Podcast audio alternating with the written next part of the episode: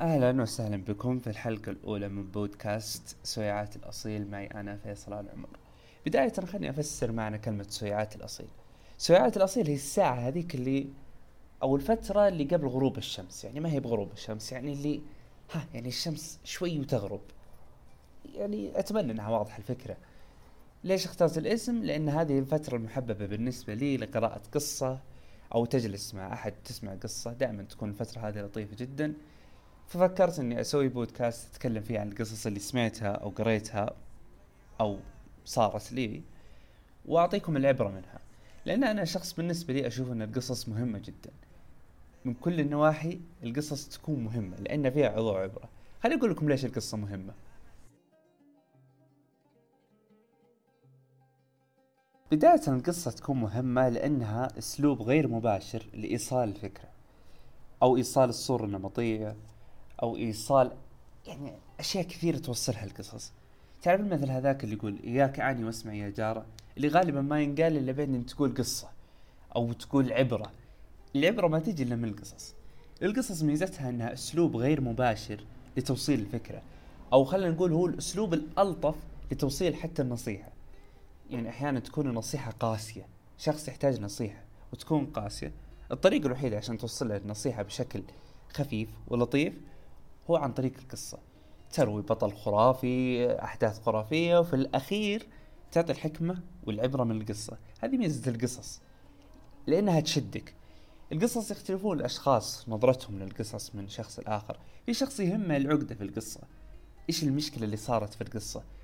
بغض النظر عن الحل الموجود في القصة لا هو يطلع حلول خاصة فيه. هذا شيء راجع له لأن القصص ميزتها أن أبعادها تختلف من شخص لآخر. في شخص يشوف إن الحل الموجود في القصة ما هو منطقي لو سوى كذا كان أحسن. وتختلف الأبعاد في القصص. ميزة القصص إنها أسلوب توصيل الفكرة والباقي على الشخص.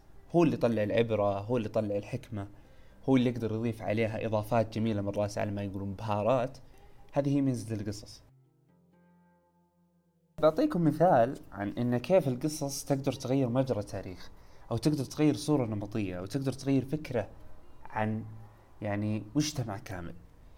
مرة قريت إن قبل القرن الثمانية عشر قبل الثورة الصناعية كانت القصص اللي تروى هي عن بطولات رعاة الغنم وعن بطولات المزارعين وعن إن الفقراء مقربين من الله أكثر من الأغنياء.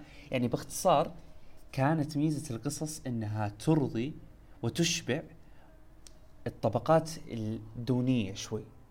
يعني تعطيهم قيمتهم في المجتمع لأن طبيعة الإنسان يبحث عن قيمته هذا شيء يعني معروف.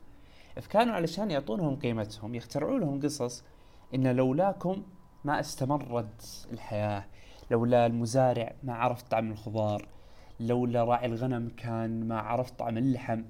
واستمرت هذه القصص تنتشر لتعطي قيمة لأصحاب الأعمال اليدوية البسيطة والأشخاص اللي يعني أقل من الطبقة اللي كانت موجودة هي طبقة التجار والأغنياء والنبلاء. بيد القرن ال18 لا حدث تغير، حدث تغير مرة كبير كان. إيش صار؟ طبقة النبلاء والأغنياء قالوا ما بنقعد مكتوفين الأيدي ليش ما نسوي تغيير؟ تغيير في رواية القصة، التغيير هذا إلى يومكم هذا هو موجود. اللي صار بدأوا يروجون إن لولا الأغنياء والنبلاء والتجار لما حصلوا الطبقات الأخرى على وظائف ولا مال. هذيك فترة الثورة الصناعية. فبدأ التمجيد يتحول من الفقراء ورعاة الغنم وأصحاب الأشغال اليدوية البسيطة خياط وما إلى ذلك تحولت الأغنياء والتجار والنبلاء. عن طريق إيش؟ عن طريق نشر القصص. إن فلان فتح مصنع كبير وفر وظيفة لخمسين شخص كانوا ما يحصلون في اليوم نفترض على خمسة ريال. صاروا يحصلون على يوميتهم 40 ريال. صار بطل صار على ما نقول سوبر هيرو قدام الناس. فبسبب القصص تغيرت نظرة مجتمع كامل حتى عن أنفسهم وصاروا يشوفون أنفسهم أشخاص غير مجديين في المجتمع بسبب القصص. بما أننا نتكلم عن القصص وبما أننا عرب أيضا خلني أجيب مهنة كانت موجودة مهتمة بالقصص وهي مهنة الحكواتي. الحكواتي هو شخص كان موجود دائما في المقاهي وفي أماكن التجمعات. حسب ما قريت إن الحكواتي كان ينشط أكثر في رمضان في فترة رمضان أو في أحيانا ليالي السمر اللي تكون بين فترة وفترة. الحكواتي هو شخص يجيب لهم قصة يجلس في مكان مرتفع الموجودين والباقيين في مكان أقل منه ويبدأ يحكي لهم قصص سواء قصة ألف ليلة وليلة أو أي قصة تكون عند الحكواتي. ما راح يعطيها قصص ويبدا يرويها للموجودين. كان ميزة القصص ولا تزال إن القصص هي شيء لام للموجودين. وكان يشهدون الناس إن الحكواتي لما يبدأ يروي القصة الموجودين كلهم يتحمسون معاه. الموجودين كلهم يكونون في صف البطل. وبانتصاره في نهاية القصة مثل ما يحدث مع أغلب الأبطال إنهم ينتصرون في نهاية القصة الكل في المقهى يتحمس معاه.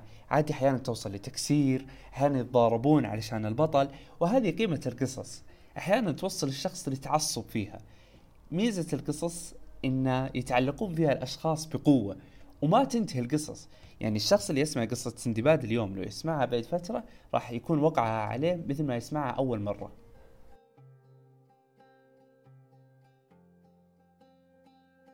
القصص هي إرث القصص هي تاريخ القصص هي نقل ثقافات ونقل حضارات من مكان إلى آخر. القصص أحيانا تكون وقود للشخص المتحمس. والقصص أحيانا تكون يد العون للشخص اللي طاح على الأرض. يحتاج يسمع قصص أشخاص فشلوا ونجحوا. وأحيانا القصص تكون عبرة لأشخاص أقدموا يحتاجون يكبحون جماحهم القصص مستحيل تسمع قصة وما تحس فيها بعبرة. شرط أن تكون القصة محبوكة ولها قيمة ومعنى ما تكون يعني من القصص اللي حي الله قصة. ختاما أتمنى أنكم تنظرون للقصص بمنظر مختلف. تأخذون من كل قصة حكمة أو عبرة أو مثل ما يقولون من كل بستان زهرة. تأخذون من القصص نظرة مختلفة. تأخذون منها شيء مفيد. ما تنسونها بمجرد أنكم تسمعونها مرة واحدة وخلاص. خذوا من القصص العبر والحكم.